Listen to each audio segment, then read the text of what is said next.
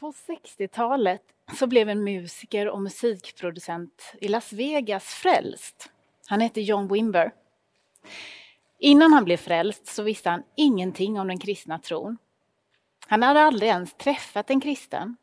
I vart fall inte någon som hade avslöjat sin täckmantel, som han sa. Efter att hans fru hade lämnat honom så hamnade John i en livskris. Förtvivlad så åkte han ut en natt i öknen för att söka Gud. Han grät och sa vänd mot stjärnhimlen. Om det finns någon där så hjälp mig. När han kom tillbaka till hotellet så hade han ett meddelande från sin fru. Han ringde henne och hon sa att hon ville ge deras äktenskap en ny chans och bad honom att komma och hämta henne och barnen. John blev eld och lågor. Det övernaturliga i öknen hade hört honom och hjälpt honom. Han kastade sig i bilen och åkte till stan där frun och barnen bodde. När de satt i bilen på vägen tillbaka till Las Vegas så berättade John för sin fru att han hade kontakt med det övernaturliga. Ja, men det är Gud, sa frun. Och han har förresten gett ut en bok. Va? sa John. Har Gud gett ut en bok? Ja, den heter Bibeln och, och den är svart och så står det The Holy Bible på den. John eh, dröjde inte länge utan han gav sig iväg till en servicebutik i Las Vegas för att köpa en bibel. Han gick in där och bad att få köpa en bibel och damen i affären visade honom en grön bok som det stod Nya testamentet på. Det där är ingen bibel, sa John. Jo, sa damen, det är en halv bibel. En halv bibel? Får jag den för halva priset då? Det fick han inte, men John köpte Bibeln i alla fall. Och mellan giggen på natten så gick han till en bar och började läsa. Ett antal år senare så grundade John Wimber en kyrka som heter Vineyard. Här så bad man för sjuka, man lyssnade in Guds röst för varandras räkning och använde sig av de andliga nådegåvorna som det står i Bibeln att vi ska göra. Kyrkan växte, tusentals människor kom till tro på Jesus och de fick göra en egen erfarenhet av hans kraft. Det här blev också en världsvid förnyelserörelse för kyrkan. John Wimber hade läst Guds ord. Han hade tagit Gud på orden och det höll. Så Gud har gett ut en bok, Bibeln. Den här boken är fantastisk. Förutom de tio budorden så är inte Bibeln skriven direkt av Gud utan genom människor som har hört Gud tala eller som har sett honom verka i deras liv. Guds ande har lett dem som har skrivit Bibelns böcker. I Andra Timoteusbrevet kapitel 3 och vers 16 så uttrycks det här så att hela skriften är utandad av Gud. Och ett bevis för det här, att hela Bibeln är från Gud, det är att när vi läser Bibeln så märker vi hur de här olika böckerna i Bibeln hänger ihop på ett märkligt sätt. Och Det här är fascinerande tycker jag, eftersom Bibelns böcker inte är skrivet vid ett enda tillfälle, utan under en tid på cirka 1500 år. Men Gud har inte gett ut en bok för sin egen skull, eller för att vi ska tycka att den är historiskt intressant. Gud har gett ut Bibeln för din och min skull. Vi behöver Bibeln. För Bibeln uppenbarar Guds person för oss och hans plan för världen. Bibelns berättelser börjar i Gamla testamentet med hur Gud skapar en underbar värld. Och trots att människan har allt hos Gud så gör vi uppror och går vår egen väg. Det kallas för syndafallet.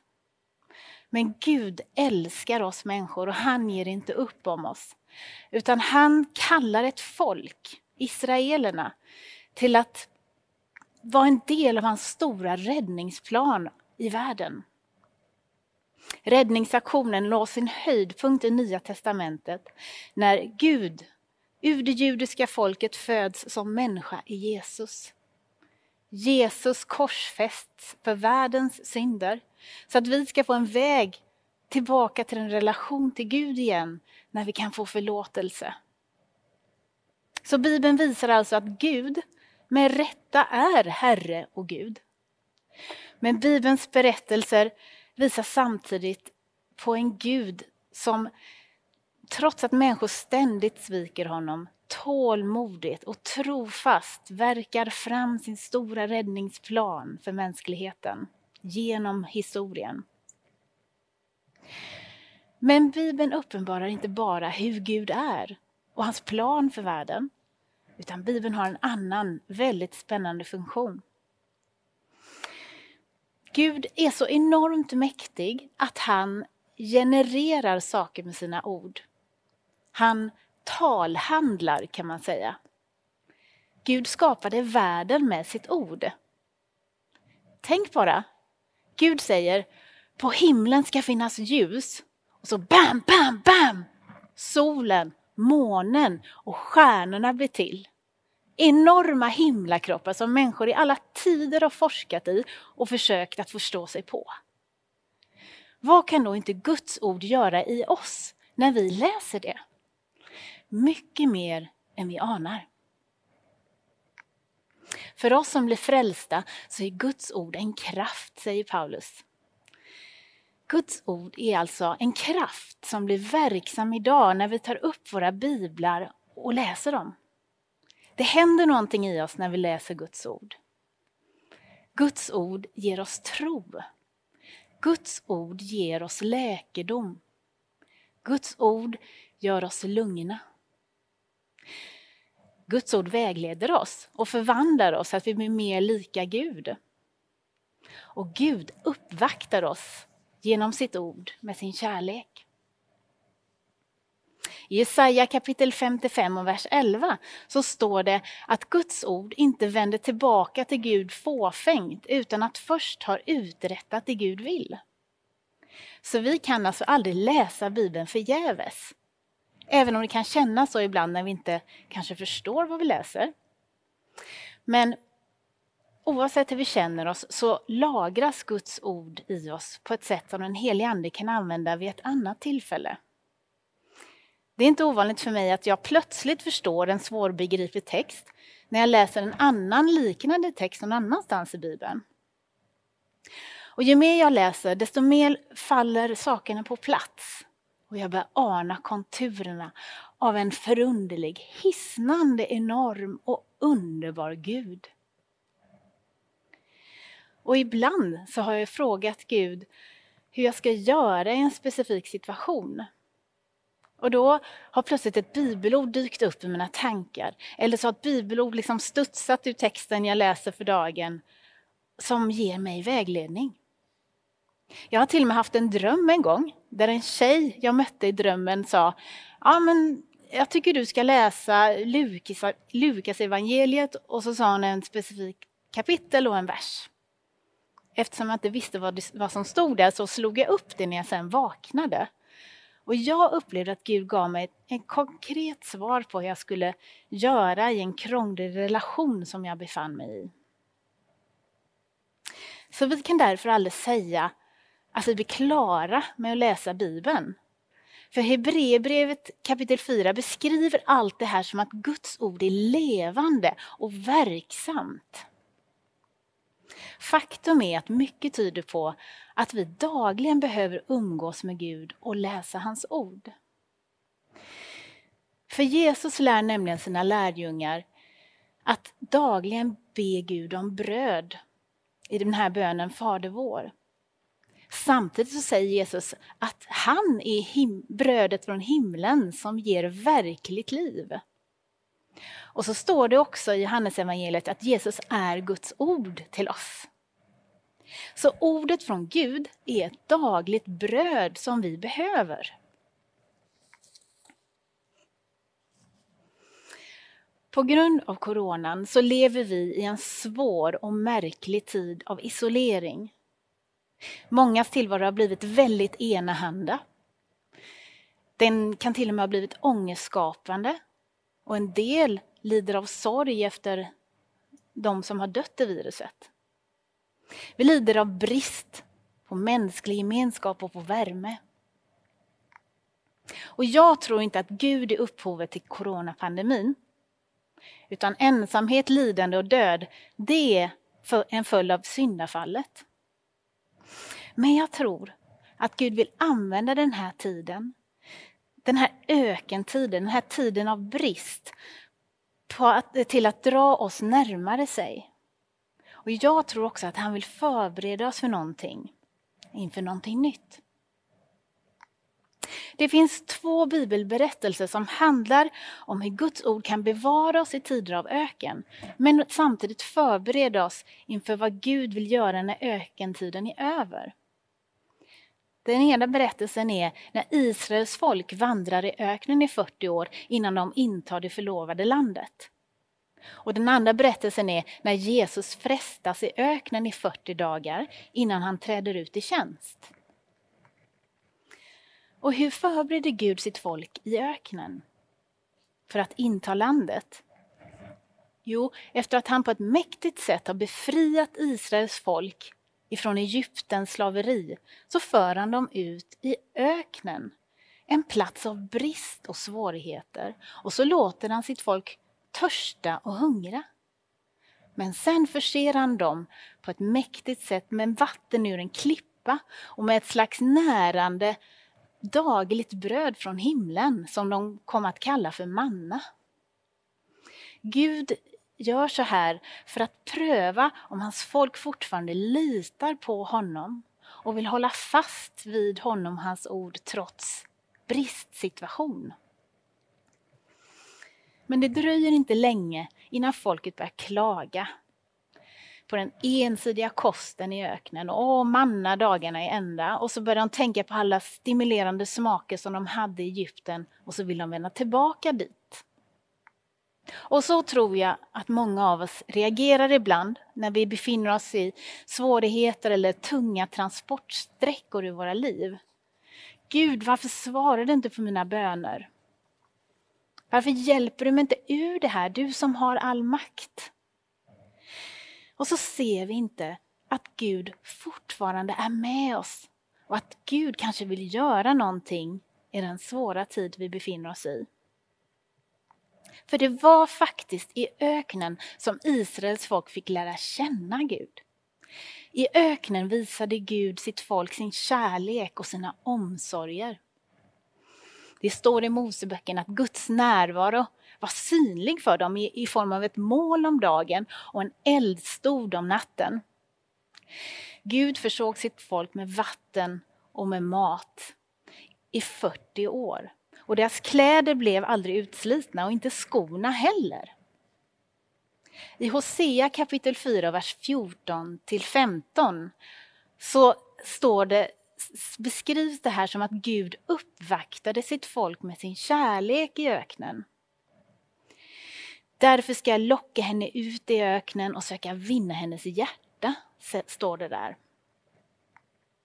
Men framför allt så gav Gud israelerna sitt ord, lagen i öknen.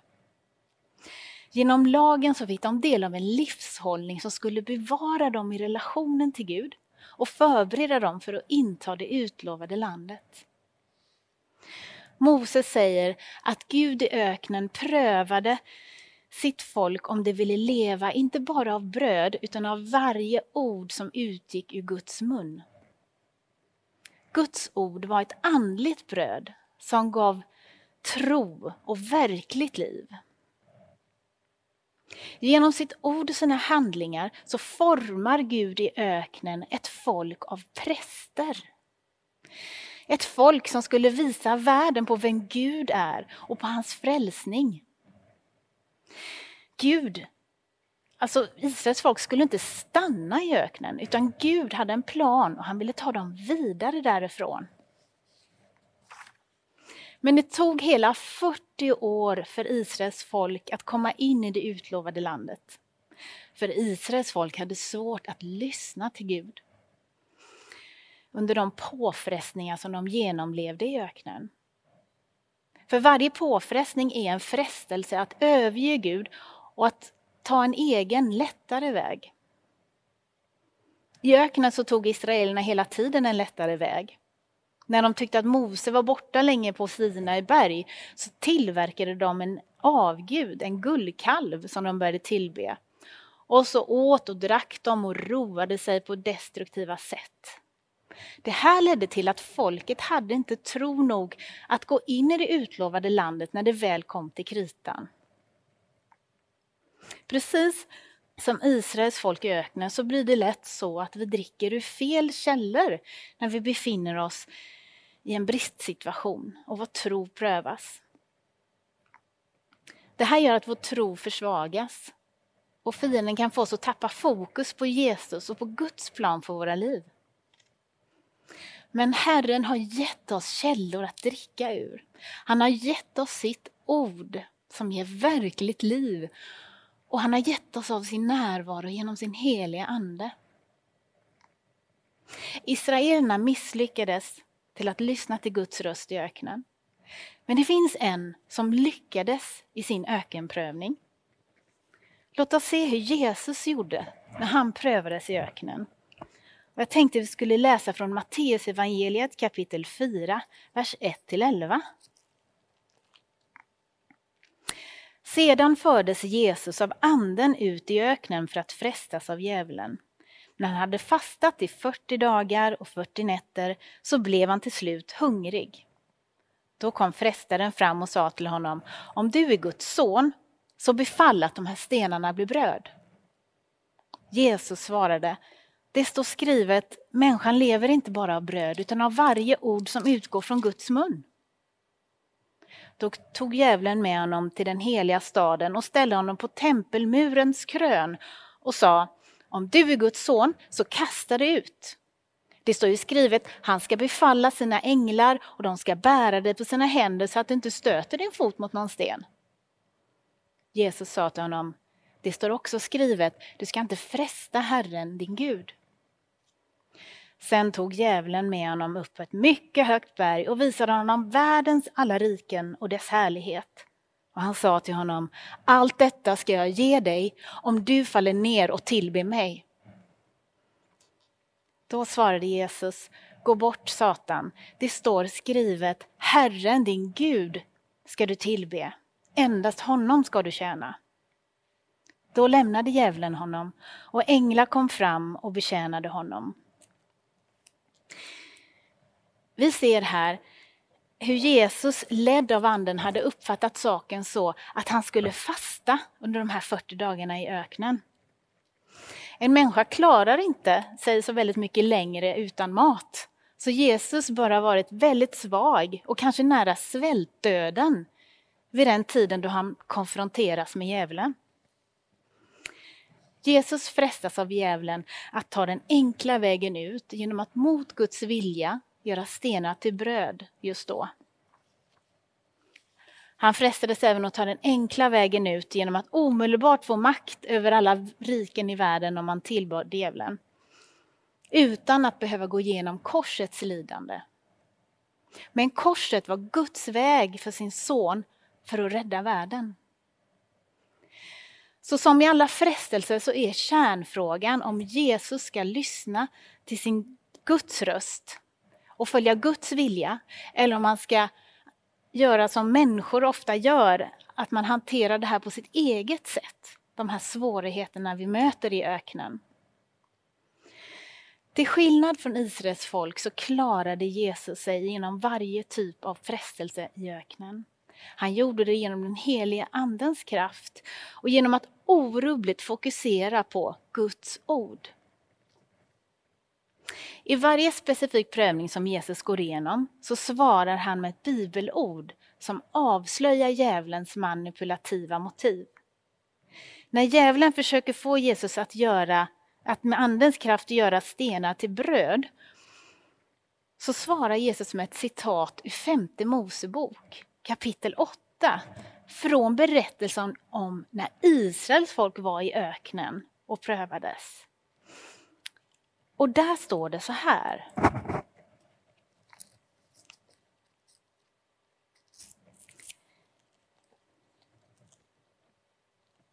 Kom ihåg hur Herren din Gud i 40 år ledde dig hela vägen i öknen för att ödmjuka dig och pröva dig och så lära känna vad som, skulle, vad som var i ditt hjärta.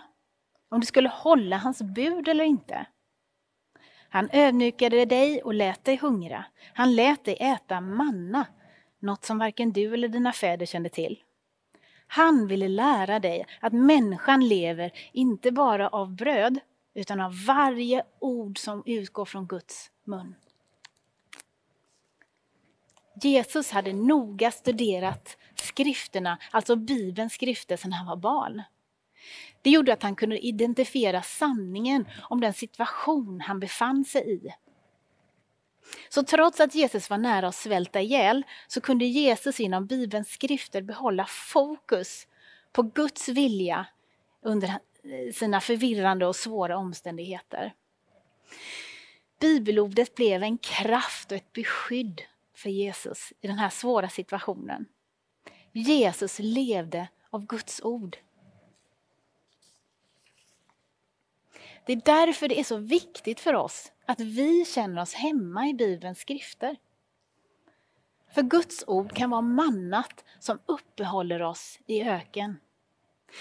Det kan bevara oss i tider av torka och tristess utan att vi behöver ta till andra sätt att fylla våra behov på. Som inte är så bra. Men Guds ord kan också vara det som förbereder oss för något nytt. Efter att Jesus hade frestats i öknen så står det i Lukas evangeliet att han återvände till Galileen i andens kraft och började predika om Guds rike. Jag tror att Gud kallar oss till sig i den här coronatiden.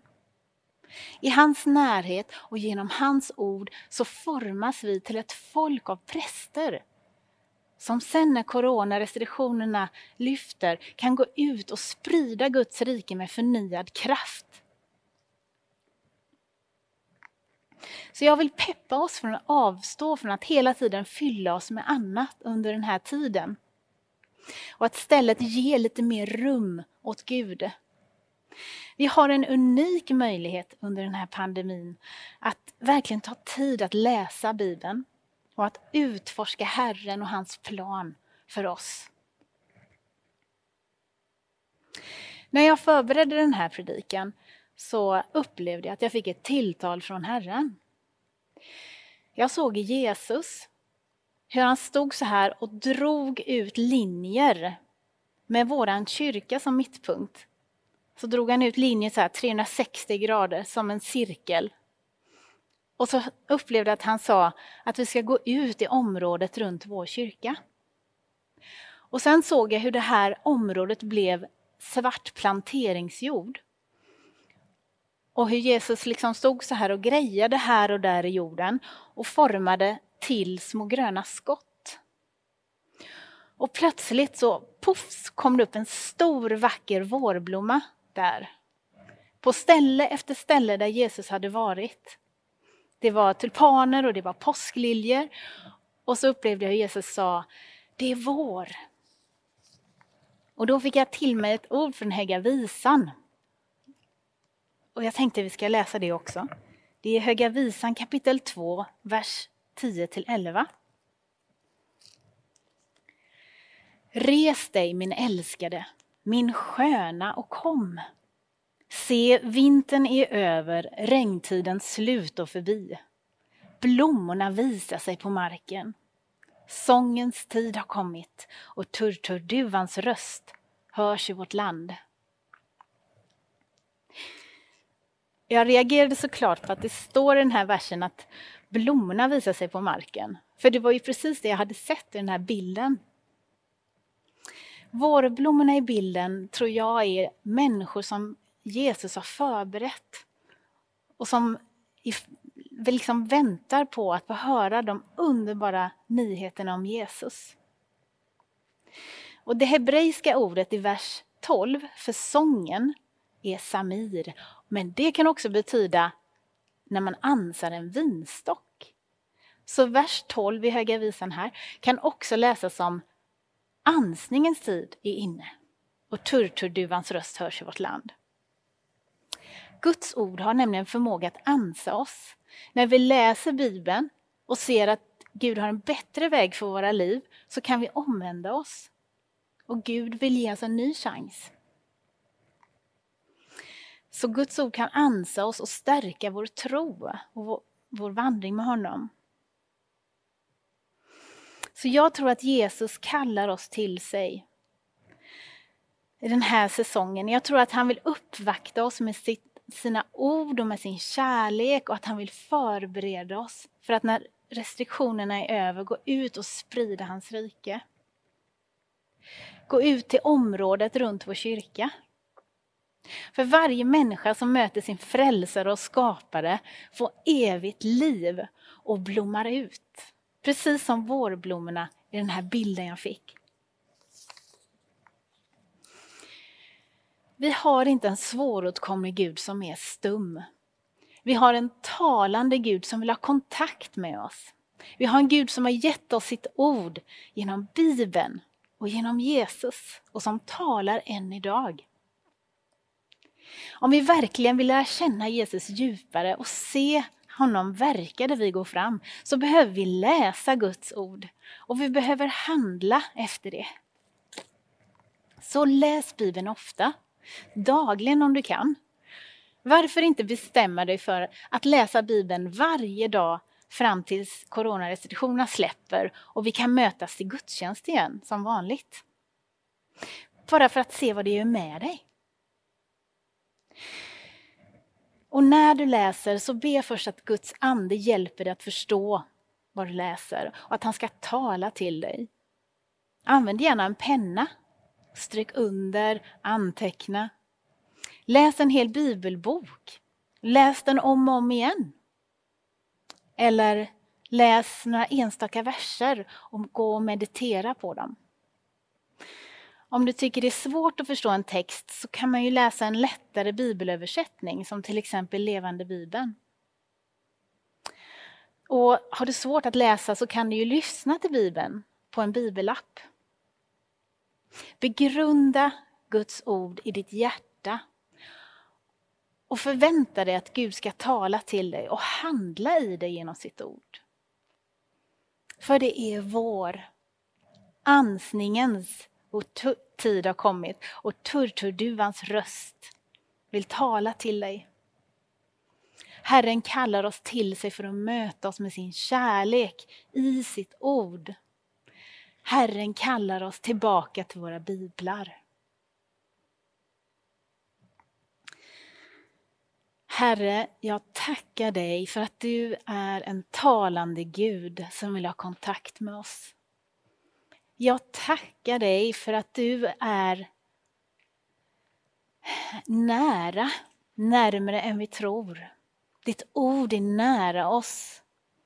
Och jag ber att du ska hjälpa oss att umgås mer med dig i ditt ord och att du ska låta det få bära frukt i våra liv. I Jesu underbara namn. Amen.